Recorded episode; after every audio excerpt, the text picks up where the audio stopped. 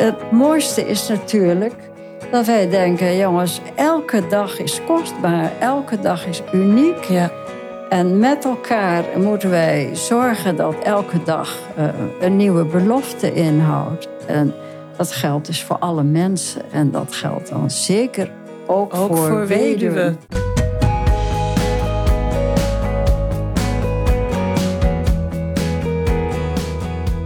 Je partner overlijdt. Hoe ga jij verder in je eentje? In mijn podcast Widow Talk interview ik weduwen en weduwnaars.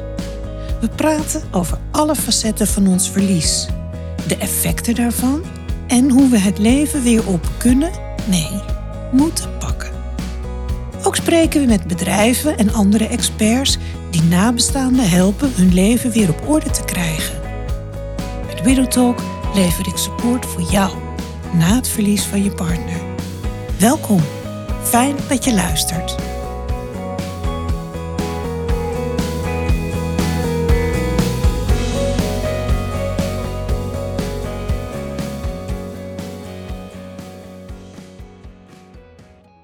Dag luisteraar, daar zijn we weer. Dit is Widow Talk, seizoen 2, aflevering 9.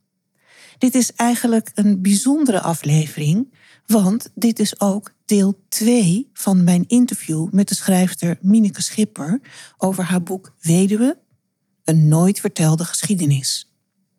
Als je nu aanhaakt bij deze podcast en je hebt deel 1 van mijn interview met Mineke over haar boek niet gehoord, wil ik je eigenlijk aanraden om daar eerst naar te luisteren. Zoek dan eventjes naar seizoen 2, aflevering 8.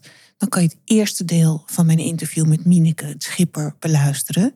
En dan genieten van deze aflevering, aflevering 9, deel 2 van mijn interview. Het hoeft niet. Je hebt je eigen vrije keus. Dus je kan het doen zoals je wil. Maar het is wel het meest logisch. In deel 1 van mijn interview hebben we al heel goed ingezoomd in het boek van Mineke Schipper, Weduwe, een nooit vertelde geschiedenis. En allemaal wetenswaardigheden geleerd over de geschiedenis van de weduwe. Waar we niet blij mee worden. Blij van worden, moet ik eigenlijk zeggen. Want het is nogal wat. We gaan daar in deze aflevering, in deel 2 van mijn interview, verderop door. En we gaan ook kijken naar zien we dan verbetering door de eeuwen heen? En zo ja, waar? Zijn we er al? Nou, kan je verklappen nog niet, maar dat is natuurlijk ook een beetje een retorische vraag. En we staan ook stil bij het belang van International Widows Day, bijvoorbeeld, in deze. Nou ja, verder gun ik jullie dat we hier gewoon weer naar gaan luisteren, dat we weer verder gaan in de wereld waarin Mineke ons van alles vertelt en uitlegt over haar boek en over haar onderzoek. Veel luisterplezier. Ik heb in jouw boek niks gelezen over het feit dat ze liever zonen hadden dan meisjes. Nee. dat de meisjes ook naar de andere wereld geholpen werden. Ik las wel dat meisjes vaak wat, wat jonger konden overlijden, omdat er wat minder goed op ze gelet werd. Ja, zeker. Ja, nou ja, ik heb daar in, eh, in, een, in mijn vorige boek, eh, Heuvels van het Paradijs, dus dat gaat over de lichaamsdelen die alleen vrouwen hebben en wat daar zo al over gezegd is. Daar gaat het wel over dat ah. verschil. Hè? Bijvoorbeeld in China, waar dan gezegd wordt: een zoon die een bochel heeft, is toch altijd meer waard dan acht gouden dochters. Dus uh, ja, jongens en dat zie je dus nog steeds in China, dat er, ik geloof al miljoenen minder meisjes zijn dan jongens. Nu, hè, ik was een paar jaar geleden in West-China uitgenodigd voor een conferentie. En toen was het ook moederdag. En toen ging ik met een paar van die studenten ging ik daarheen, want het was een feest, een festival. En een van die jongens vertelde mij onderweg: Ik weet niet of ik ooit een vriendin zal vinden. Want er zijn gewoon veel te veel, veel, te veel jongens en veel te weinig meisjes. Want heel lang mocht je maar één kind. Exact, ja. En dan kozen de meeste mensen voor een zoon. ja. En, eh, maar goed, inderdaad, daar ging dit boek niet over. Nee. Nu over me- meisjes en, en, en jongens. Maar het is toch vaak zo geweest. In de spreekwoorden heb ik er heel veel over gevonden. Als er een meisje geboren wordt, eh, wordt gezegd bijvoorbeeld in een Arabische eh, omgeving. Als er een meisje geboren wordt, is er niks geboren, wordt dan tegen die vader gezegd. Ja, dat is echt verschrikkelijk. Ja. Maar goed, je kunt denken als meisjes schaars beginnen te worden, dan, Dan, worden dan, ze. ja, want uiteindelijk moet je wel voortbestaan als gemeenschap. Ja, Dan je- heb je toch echt die vrouwen nodig. Ja. ja. ja. Nou ja, en dan eh, te bedenken dat dus heel veel eh kindweduwen eh, Ja. bestaan hebben. Ja. Daar hebben we het helemaal nog niet Nee. over gehad. Ze werden op tweejarige leeftijd al Ja, ja, ja. vergeven. Ja, ja.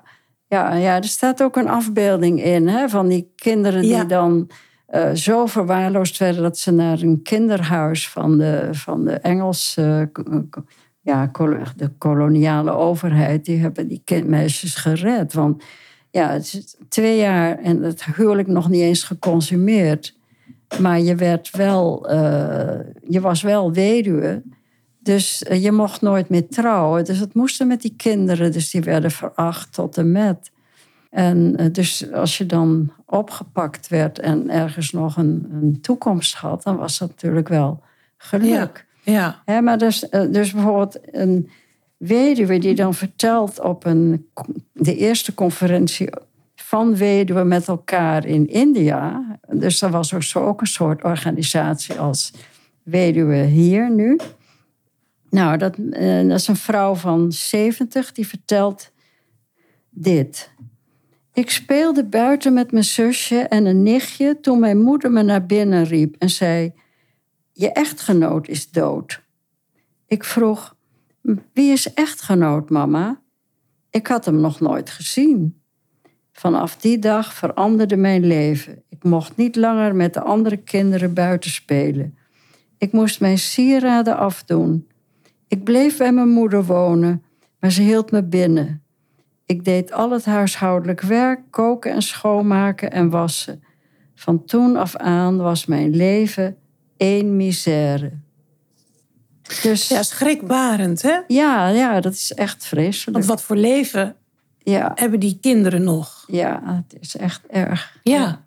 Ja, ja nou ja, maar eh, we hebben het helemaal niet over gehad nog. Dat is over de kleren, de nieuwe kleren van de weduwe. ja. Dat is laten we het daar eens over hebben. Want zeker in is- de Indiase cultuur natuurlijk was Ja. kleur en dergelijke. Ja, zeker, ja. Maar ja, ook bij ons, hè, dat eh, Ja. je, je moest, ja, bijvoorbeeld, eh, ik, ik, ik citeer even uit eh, Gejaagd door de wind van Margaret Mitchell. En zij zegt, in het begin van de, eeuw, in de vorige eeuw, een weduwe moest lelijke zwarte jurken dragen, zonder lint of kant of sieraden. En de zwarte sluier van krep op haar kap moest tot op haar knieën reiken.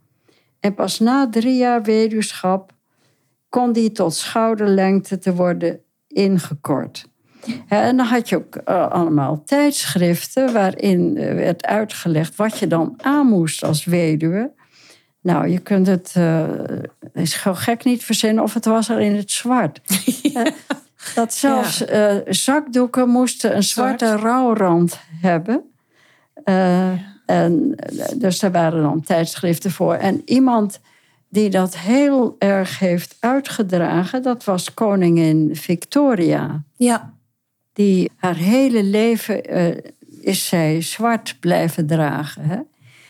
En eh, als je dan oude afbeeldingen bekijkt, ook uit Nederland, hè, hoe die, die vrouwen in het zwart liepen, als een soort nonnen eh, liepen ze rond. Hè? Je, je mocht eh, je vormen mocht je niet laten Nee. zien, je mocht helemaal, ja, je moest sekseloos eigenlijk door het, Ja. door het leven gaan. En als je dan.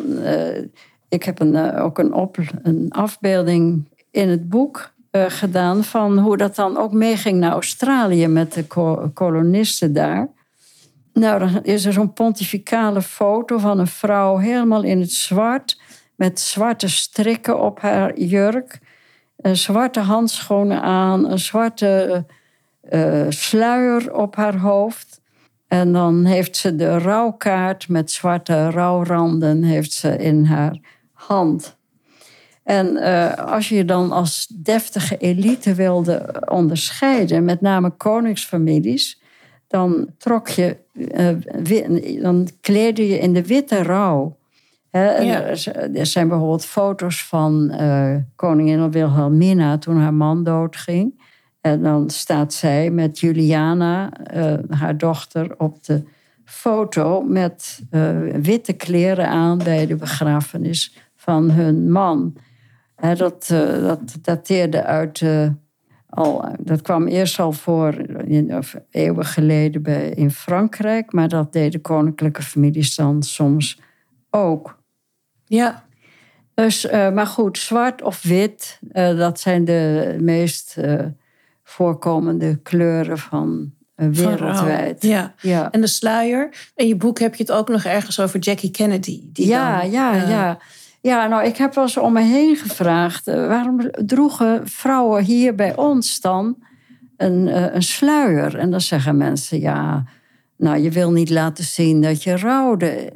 Maar dan kun je zeggen, ja, maar niemand draagt meer zo'n sluier. Hè? Dus uh, als we nu huilen, dan denken we, het is oké. Okay, dat, dat mag. Ik, ben ja. droevig. Dus ja.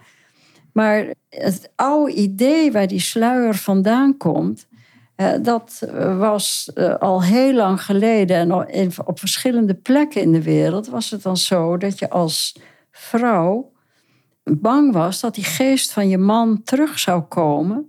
En om dan jezelf onherkenbaar te maken, dan deed je een dikke sluier om. En dan zou hij je niet herkennen. En dan kon hij niet uh, proberen om seks met je te hebben, want daar waren die weduwen dan vaak heel bang voor. Want ja, het, menselijke idee was, ja, die man die zit daar maar, die moet naar die voorouders. Maar hij heeft het daar ook niet naar zijn zin. Hij wil gewoon terug. En dus hij gaat al zijn best doen om terug te komen. Dus dan deed je zo'n dikke sluier om, of je deed mannenkleren in bed aan. Of je leende schoenen van iemand anders om andere sporen in het zand te maken. Ja, dat hij niet aan je voetsporen zou herkennen. Ja, dat hij, als hij hem maar niet meer herkent en na een tijdje dan voelt hij zich daar wat beter. En vandaar ook dat die, die begrafenisceremonies of die, die verbrandingsceremonies, die crematies, uh, ja, dat moest gewoon heel zorgvuldig met aandacht gebeuren, met offers brengen en en, en rouwliederen en precies volgens de regels doen. En dan, uh, als het dan helemaal goed gegaan was, dan zou hij misschien wel meteen tevreden zijn. Ja. In het hiernamaals. Uh, het omgekeerde, de angst dat die vrouw terug zou komen, ja, dat vind je dus nergens. Dat vind ik zo opvallend. Uh, dat die hele hiërarchie in de samenleving Oh ja, als mijn vrouw doodgaat, nou sorry hoor, maar ik heb meteen een ander. Ik heb zo een ander. Ja. ja. En omgekeerd, dat hele idee, dat gaat dan steeds dus over dat hele verhaal. Mag ze wel seks hebben? En moet die vagina een tijd op slot? Dat wordt dan ook vaak gezegd. Ja. ja. Of eigenlijk, nou, ze hoort gewoon niet opnieuw te trouwen. Hè? Ze moet gewoon zich beschikbaar houden uh, tot, eigenlijk tot nagedachtenis van die man. Wat, ja. wat zou hij wel denken als jij opeens met een nieuwe man begint? Stel ja. je voor, dat kun je gewoon niet doen. Weet je, en dus twee normen en waardestelsels. Ja. Voor, die, uh, voor beide. In het hoofdstuk eigendom zeg je daar, of het onderwerp eigendom, zeg je daar ook nog iets over. Hè? Dat broers zich haar kunnen toe-eigenen en dergelijke. Ja, broers van de man, ja. Nou ja, dat hele idee dat jij niet zelf gaat uh, rondkijken van... hé, hey, eh, ik zoek eigenlijk toch wel weer een maatje voor het leven. Uh, nou, of dat hoorde niet zo. Dus, uh, maar dat is dus heel patriarchaal gedacht. Ja. Van wat denk jij wel, hè? dat een van, van onze medemannen... Hè, dat jij denkt dat je gewoon een ander kunt nemen...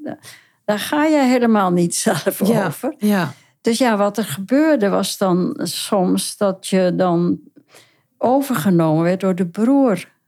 Een broer van de overleden man. En eh daar werd jou meestal niks gevraagd. Je moest al lang blij zijn dat iemand zich over jou ontfermde. Ja. En dat er weer iets. eh, dat, je, dat je door kon leven. Want ja, als je niemand had, eh, hoe, kun je, hoe kwetsbaar ben je en, machteloos eh, voel je je.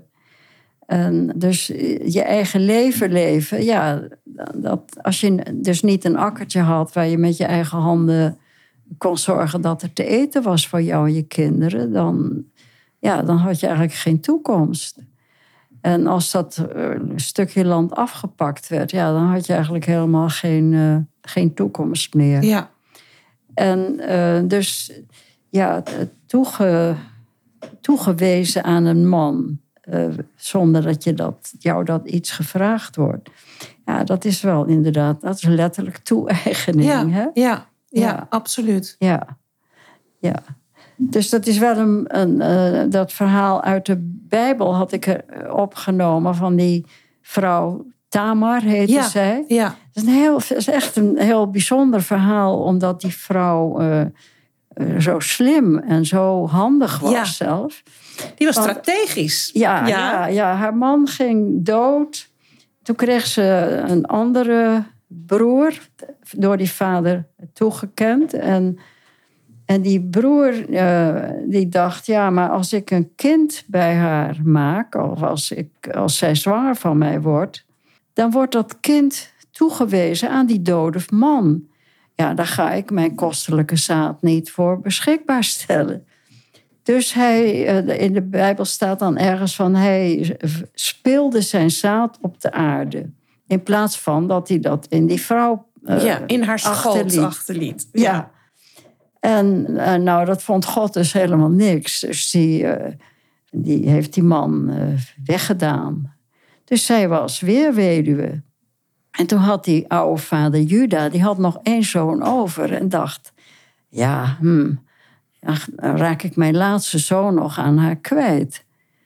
En dus zij dacht, ja, ik zal nooit kinderen krijgen. Want ik mag alleen maar in die familie trouwen. Ja. Anders nooit. En dan ben ik een, een, een, een vrouw zonder kinderen. En dan word je veracht in dat oude Ja. Israël. Ja. Eh, Sloeg, dan was je gewoon zo veracht. Het werd nooit meer wat.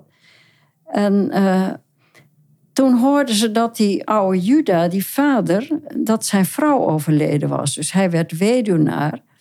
En toen dacht ze na een tijdje, nou weet je wat, als die man eh, bij de stadspoort binnenkomt, dan ga ik daar zitten alsof ik een eh, hoer ben. En eh, ze zat daar, ze had haar rouwkleren afgelegd en kleedde zich aan als, met een sluier over haar gezicht, want dat hoorde toen voor, voor prostituees. En dus die man, ja, die eh, was al een tijdje weduwnaar. En die kreeg opeens ontzettend zin in die eh, prostituee die daar zat.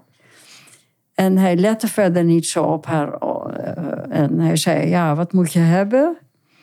En toen zei ze, nou, wat wil je me geven? Toen zei hij, nou, ik ben net van het schaapscherersfeest... en ik zal een bokje bij je laten brengen. Ja, maar hoe weet ik nou zeker dat je dat gaat brengen? Dus ik wil een onderpand. En eh, nou, dan vraagt ze om zijn zegelring. En die geeft hij, want hij heeft zo'n zin in haar. En hij kent haar dus niet. Nee. En dan eh, heeft hij eh, seks met haar. En zij wordt zwanger. En dan na een paar maanden, dan bereikt deze oude Juda het bericht dat zij zwanger is. En hij roept, eh, schande, dit, eh, zij moet uit de stad gegooid worden en verbrand. Ja. En dan eh, zegt ze, ja, maar wacht eens even. Ik ben zwanger van degene die mij zijn zegelring als onderpand heeft gegeven. En misschien kun je eens even komen kijken naar deze ring, of je daar, daar Ja. ook iets in herkent. En dan eh, moet hij toegeven dat hij fout is geweest en niet zij. Dus zij mag blijven leven. En dan baart ze een tweeling. En dan blijft, heeft zij dus toch haar zin gekregen. Namelijk dat ze alleen meetelt als een vrouw die kinderen heeft gekregen. Maar je ziet tegelijkertijd hoe, wat voor samenleving dat was. Nou, hè? Hoe je ja. werd beheerd door de familie van je Ja. man. Ja, Ja. Dus ik vind het wel een heel mooi verhaal. Het is een prachtig schilderij. Dat heb ik ook in de kleuren, in de kleurenfoto's. eh, Ja. bij de kleurenfoto's gedaan. En ja, het, het zijn sprekende verhalen die laten zien hoe overal weer een ander aspect in de picture komt Ja. van het hele verhaal van die, en die geschiedenis van hoe het met die eh, weduwe ging. Ja. ja, en het kan verschillen van cultuur tot cultuur, maar eigenlijk komt het steeds weer op hetzelfde neer. Ja, nou, soms zijn de rituelen voor weduwen heel vernederend. En bij ons is het toch wat, eh, gaat het wat, wat subtieler. Ja? Hoewel je nog steeds hoort van weduwen, ik heb hier en daar natuurlijk wel rondgevraagd, eh, dat sommige vrouwen zeggen dat je bij vrienden waar je met je man op bezoek ging, dat je soms niet meer wordt uitgenodigd omdat die man er niet meer is. klopt. Dat, heb, dat ervaar ik ook. Ja? Ja. Oh ja. Nou, dat- Anno 2023. ja. ja, ja. nou, ik heb er zelf verder niet zo'n last van. Maar ja, er zijn dus allerlei manieren waarop toch nog steeds het onderscheid gemaakt het, tussen getrouwd zijn en niet Ja. meer getrouwd Ja. zijn. Ja, Ja. nou, ik heb het ook wel met Astrid over. Mijn zakenpartner, met wie eh, ik Widows en Widowers ben begonnen. Dat is ons gezamenlijk initiatief. En wij denken ook wel eens, waar komt dat nou door? Vonden ze mijn man, Filip in mijn geval, vonden ze die gewoon leuker? En was ik maar een aanhangsel, hè? dat zou je Ja. kunnen denken. Dus ja, Filip is niet meer, dus waarom zouden we Marianne uitnodigen? Nou, dan denk ik nee, want ik ben ook best leuk. Dus waarom zouden ze mij niet? Ja. Komt het omdat mensen liever geen oneven aantallen hebben, omdat dat onhandig is met etentjes en tafelschikking? Of omdat mensen denken, ja, dat is dan toch weer zo'n, is het toch weer een, een dode in de kamer? Want dan zit ze daar zonder haar man, terwijl ze altijd met haar man was. Dus dan Ja. voelen mensen zich toch geroepen om Ja. erbij stil te staan. Wat de sfeer weer kan dempen. Een stukje jaloezie. Ingeslapen huwelijken hè, van mensen in de 50. En dan loopt er opeens weer een eh loestieke rond. Ja, geen Ja. idee. Maar het is. eh, Ja. het, het gebeurt. Ja. Ja, dat zou kunnen. Ja, ja maar goed, ik denk eh, langzamerhand, en vooral in, in landen waar, waar vrouwen helemaal nog nauwelijks meetellen, hè, dat je duidelijk zou moeten maken aan mensen daar, en dat gebeurt nu ook steeds meer, hè, hoe het met de rechten van de mens Ja. zit Ja. al die landen hebben ondertekend het eh, Charter voor de Mensenrechten. Misschien is het goed om het nog een keer voor te Ja. lezen. Ja. Alle mensen worden vrij en gelijk in waardigheid en rechten geboren. En ieder heeft aanspraak op alle rechten en vrijheden in deze verklaring opgesomd, zonder enig onderscheid van welke aard ook, ras, kleur, geslacht, taal, godsdienst, politieke of andere overtuiging, enzovoort. Ja. Eh, dus dat is, dat is toch wel, eh, wel belangrijk, denk ik, om, eh, om daaraan vast te houden. En ja, juist in bepaalde dorpen is het zo dat, dat die oude gewoontes vastgehouden worden, zonder dat gerekend wordt met die rechten van de mens Ja. die getekend zijn door de overheid, maar die zit verder weg. En dan, eh, dus die gelijkheid voor de wet is nog lang niet overal eh, vanzelfsprekend. De tradities zijn dan eigenlijk belangrijker dan de wet. Ja, ja, ja.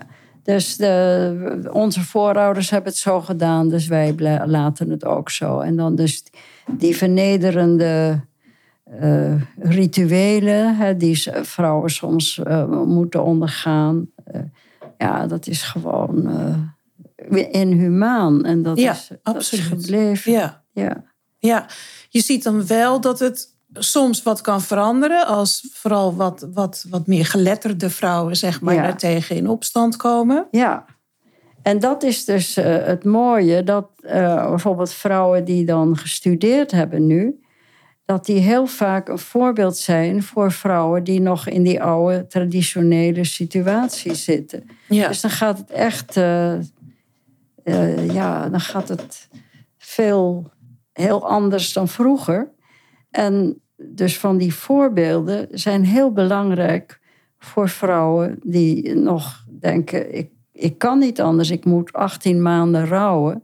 En nu zeggen die eh, vrouwen die een, een baan hebben, die zeggen nu ja, sorry hoor, maar 18 maanden rouwen en niks doen, dat kan niet, want ik heb een baan, anders raak ik mijn Ja, baan kwijt. ja. Ik heb eh, kinderen, ik moet zorgen voor die kinderen.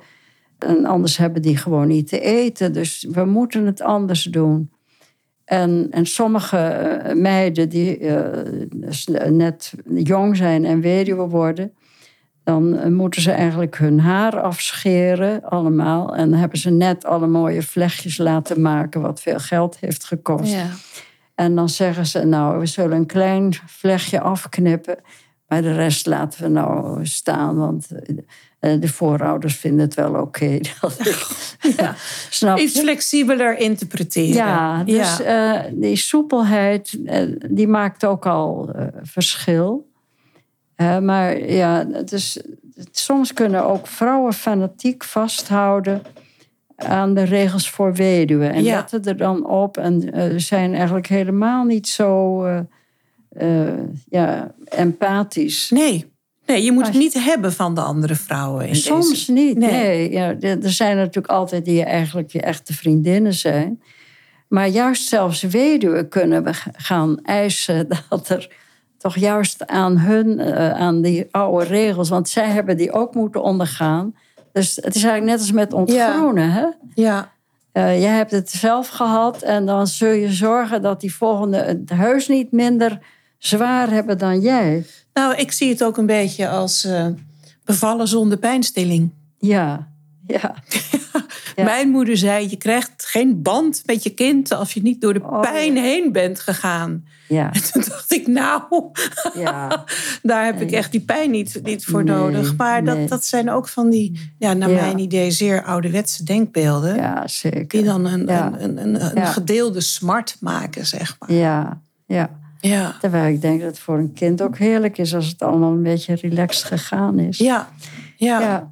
Maar ik, eh, ik denk dat het wel leuk is om toch een, eh, te eindigen, of nog even door te gaan over de International Widows Day. Ja. En ik wou het ook nog even over de hekserij hebben. Oh ja. Hebben we Ja. ook nog niet gedaan. Nee.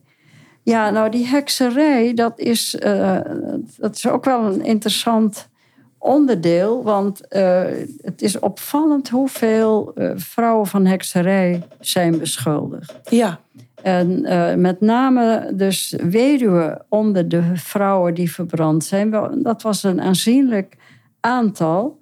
En dan, eh, als je daar dan naar gaat kijken, dan eh, bij ons is geloof ik in 1600 zoveel is de laatste heks verbrand.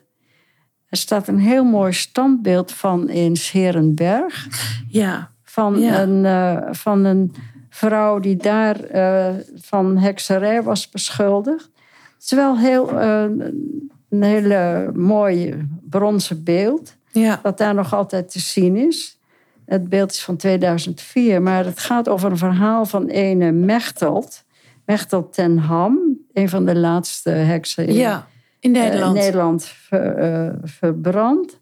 En die was weduwe en werd eh, beschuldigd dat eh, door haar allemaal dingen fout gingen in het dorp. Dus toen hadden al mensen uit het stadsbestuur gezegd: eh, ga nou naar Oude Water. Want daar is een heksenwaag, een, een heksenweegschaal. En daar kun je een certificaat krijgen dat je geen heks bent. Want ze wegen je daar en een heks weegt niks. Ja, Dus dan laten ze, stellen ze vast dat jij wel weegt. Dus je kan nooit een heks zijn. Maar in plaats van dat te doen, want in, eh, in Oude Water, waar die weegschaal was, bedacht door de burgemeester daar. Uit heel Europa kwamen mensen die van hekserij beschuldigd werden daarheen om te zorgen dat ze zo'n certificaat kregen. En dan spaarde dat enorm veel levens. Ja. Maar deze Mechtelt zei, nou, je kan gewoon aantonen dat ik geen heks ben, dus uh, klaar. En uh, toen moest ze toch wel uh, ja, de, de, heksenproef doen door met stenen om haar nek moest ze in het water. In. in het water. En toen bleef ze toch drijven, doordat alle luchtbellen uit haar vele rokken, bleef zij toch hangen. En toen zeiden ze, ja, maar zie je wel, jij blijft drijven, dus je bent een heks. Ja, terwijl als ze gezonken was, was ze verdronken. Dus ze was dan, altijd was je de dupe. Exact. Ja, ja. Dus deze, deze vrouw, die is dus daarna toch uh, om, om het leven gebracht. Na allerlei martelingen heeft ze toegegeven dat ze heks was om eindelijk af te zijn van al het martelen. Uh, is ze dus uh, aan haar eind gekomen. Ja. En met veel weduwen is het natuurlijk wel zo uh, gegaan. En nu wat je dus vroeger bij ons zag in Europa, dan had je ook bijvoorbeeld de heksenvloek. Als je als weduwe een, iemand vervloekte. Ja, omdat Je, aan, je bedelde en dan zei uh, iemand: Nou, ik geef je niks, donder op. Dan, uh, dan begon ze soms te schelden. En als ze dan uh, bijvoorbeeld zei: Val dood. En er ging iemand dood in het dorp. Kwam door haar. Dan kwam het door haar. Dus die heksenvloek, dat was wel iets waar je ook rekening mee hield. Ja. En mensen gaven soms ook wel eens iets, juist omdat ze bang waren dat ze anders vervloekt werden. Ja, ja. Maar uh, nu hadden mensen bedacht, in Engeland bijvoorbeeld, dat als je bloed van zo'n vrouw tapte door haar uh, open te krabben uh, op haar gezicht, dan als er maar een beetje bloed uitkwam, dan was die vloek ongedaan gemaakt. Ah. Dus je werd dan. dan kreeg ze dus een enorme eh, pak slaag. Of, eh, ja. Maar goed, ze weer een bloed, werd er weer een bloedneus geslagen. En ja, dan... ja, dan was het weer in orde. Maar dus uh, uiteindelijk is dat bij ons allemaal afgeschaft. Maar nu wordt het nog steeds, uh, overal in de wereld, wordt uh, die beschuldiging nog steeds geuit. En vaak heeft dat nu te maken in een arme samenleving met nou, maar kijk, dat land dat zij met haar man bewerkt, eh, dat willen we eigenlijk inpikken. Dus wij, wij beschuldigen haar en dan, dan zijn we haar kwijt. Dus dan de toe-eigening of de onteigening ja, eigenlijk. Ja, ja, ja. En uh, ja, de, de, vrouwen zijn natuurlijk op heel veel manieren in hun uh, leven uh, vroeger onteigend. Ja. Op tal van manieren, door wetten, door allerlei regels van als ze hertrouwt, dan raakt ze alles kwijt. Uh, of ze raakt haar kinderen kwijt als ze hertrouwt. Want die kinderen die worden de man, die behoren de man toe, dus onze familie toe. En dan moeten we van haar gewoon af. Ja. Dus zo is het dus heel, heel vaak gegaan. je begrijpt ook soms niet hoe dingen steeds maar geaccepteerd bleven. Ja, dat, ja mensen, leven, mensen leven met een soort oogkleppen op, op de een of andere manier. Je gaat door in het stramien. Ja, ja. Mensen die zich verzetten worden natuurlijk voor een deel afgestraft. Ja. Het is het belang van de samenleving, wordt je altijd verteld. Ja. ja. Ja, maar ik denk dat niemand zijn eigen vrijheid op een presenteerblaadje krijgt uh, nee. aangeboden. Nee. Dus de, enige manier is om dingen ter discussie te stellen. En, dat is gelukkig wat je nu overal ziet gebeuren. Uh, en uh, dat een vrouw bijvoorbeeld nooit eigen landbezit mocht hebben. Dat zie je nu ja. dus overal. Doordat mensen, vrouwen die dan zeg maar rechten gestudeerd hebben... die zeggen dan, nou we zullen wel eens kijken hoe dat eigenlijk in elkaar zit... Kijk, maar jij hebt best recht op een, uh, op een stuk land. Jij kunt uh, eh, heel goed je eigen land beheren. Ja. En eh, dat is het leuke dat, eh, dat je dus nu op het ogenblik ziet. En eh, dat is daarom ook wel goed om eh, zo'n eh, podcast te eindigen ook met ideeën die nieuw zijn Ja. in Ja. veel delen van de wereld. Ja. En waar ook hier nog steeds eh, allerlei zaken ter discussie gesteld moeten worden. Van waarom zou dit zo horen? Ja. Waarom hebben wij minder rechten dan anderen? En dat hele idee dat je alleen als getrouwde vrouw maar een, eh, een mens bent eh, die meetelt. En- Ja, terwijl je als, in Nederland als getrouwde vrouw ook handelingsonbekwaam was. ja, ja, je mocht niks tot je, tenzij je man toestemming, toestemming gaf. gaf. Ja, ja. En dat is in 1956, Ja. heb ik geleerd uit jouw boek, pas eh, afgeschaft. Ja, ja, dat is ongelooflijk, hè? ja. Ja. Ja, en Ja. dat men, vrouwen ontslagen konden worden. Ja, als ze gingen trouwen. Als ze gingen trouwen, maar dat Ja. is toch nog, geloof ik, tot de jaren zestig zo Ja. geweest. Ik Ja. begrijp daar helemaal niks van. En dat dat nooit aangevochten is. Dat zou je ja, toch... dat, snap ik ook. Ja. Nee. Maar goed, in ieder geval denk ik dat eh, het eh, zo is.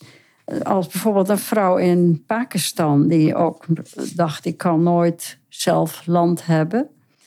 Maar die vrouw die zegt nu, eh, want die heeft op International Widows Day, dat de Verenigde Naties Ja. sinds 2015 heeft uitgeroepen, eh, heeft zij een cursus gedaan om te weten hoe zij zelf land kon bezitten.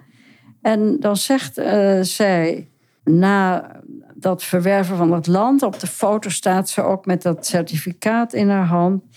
En dan zegt ze, nu kan ik voor de eerste keer in mijn leven zeggen dat iets van mijzelf is. Dat stuk land, zo ver als het oog reikt, is van mij. Dat zegt dit stuk papier. Dit is mijn land en ik ben daarvan de koningin. Ik kijk helemaal opgewonden uit naar het moment waarop mijn zware lange dagen van landarbeid hun vruchten gaan afwerpen.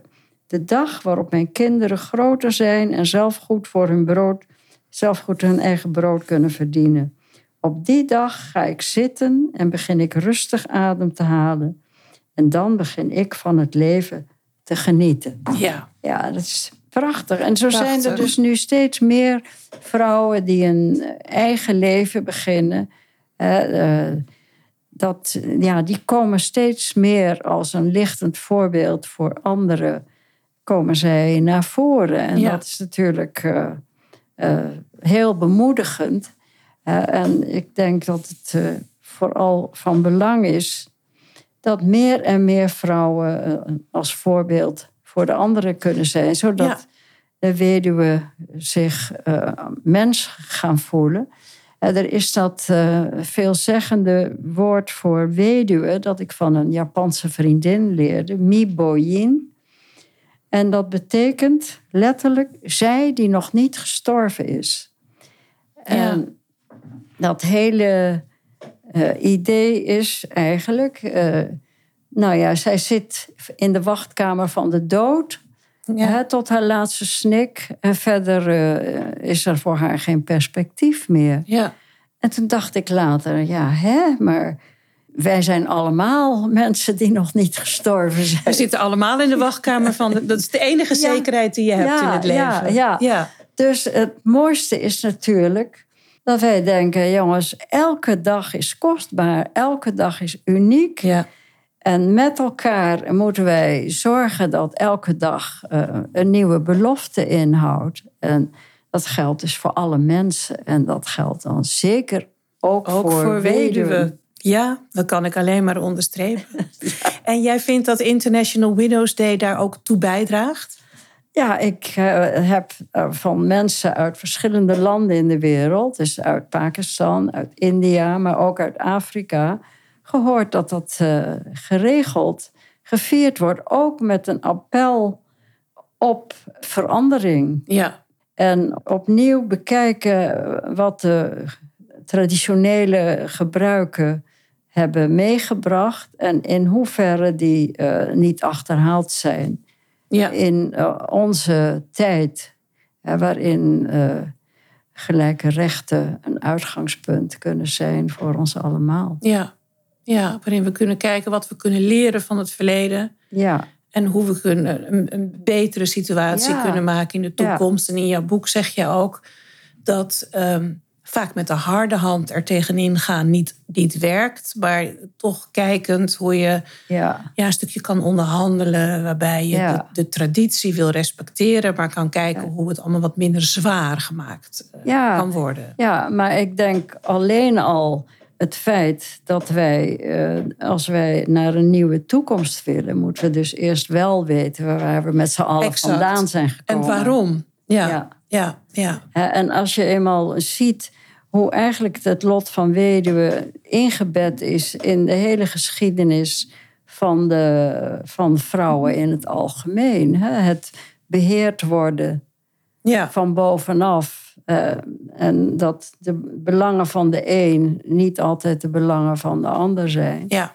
En eh, dat moet dus mee, eh, wel duidelijker ter discussie gesteld. Ben ik helemaal met je eens. Ja. Nou, International Widows Day is iets wat wij als widows en widowers natuurlijk ook belangrijk vinden. Dus eh, Ja, dit jaar en ook volgend jaar en het jaar daarop zullen wij altijd een evenement organiseren op International Widows Day om weduwen en weduwnaars samen te brengen, lotgenotencontact. Ja. Maar ook mensen die weduwen en weduwnaars support willen bieden, omdat wij geloven in verbinding en groei ja. en synergie. En Ja. Ja. ja, dat geldt ook voor weduwen en weduwnaars natuurlijk. goed zo. Ja. ja. Dankjewel. Volgens mij eh, heb jij een aardige droge keel van alles wat je verteld een hebt. slokje water. Ja. Is er nog iets dat je kwijt wil? Dat je zegt, nou, dat heb ik nog niet gezegd. Dat vind ik toch jammer. Eh, nou, ik denk dat het zoveel is al. ja, het is, het is, het is eh, aardig wat. Ik, ehm, Daar kun je ook nog in knippen, denk ik. ja, nou ja. En ik denk dat we er twee afleveringen van maken. Oh ja, Dus op die manier... eh, ja. Het is allemaal heel interessant. Ik ehm, wil jou heel erg bedanken dat jij de tijd en de moeite hebt genomen om dit met ons, eh, nou met mij dan, maar voor Widows en Widowers te doen. Dat stel ik erg op prijs.